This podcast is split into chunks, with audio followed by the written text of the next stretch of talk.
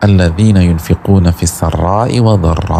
Surga yang dipersiapkan untuk orang-orang bertakwa. Siapa mereka? Alladzina yunfiquna fis sarra'i wa. Yang pertama yaitu orang-orang yang menafkahkan dan menginfakkan hartanya baik di waktu lapang maupun sempit. Pas lagi kaya maupun pas lagi miskin. Lagi banyak uang, pas nggak punya uang.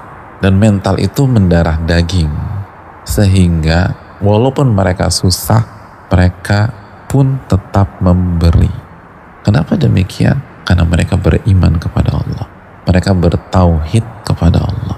Mereka beriman bahwa infak tidak akan mengurangi harta mereka.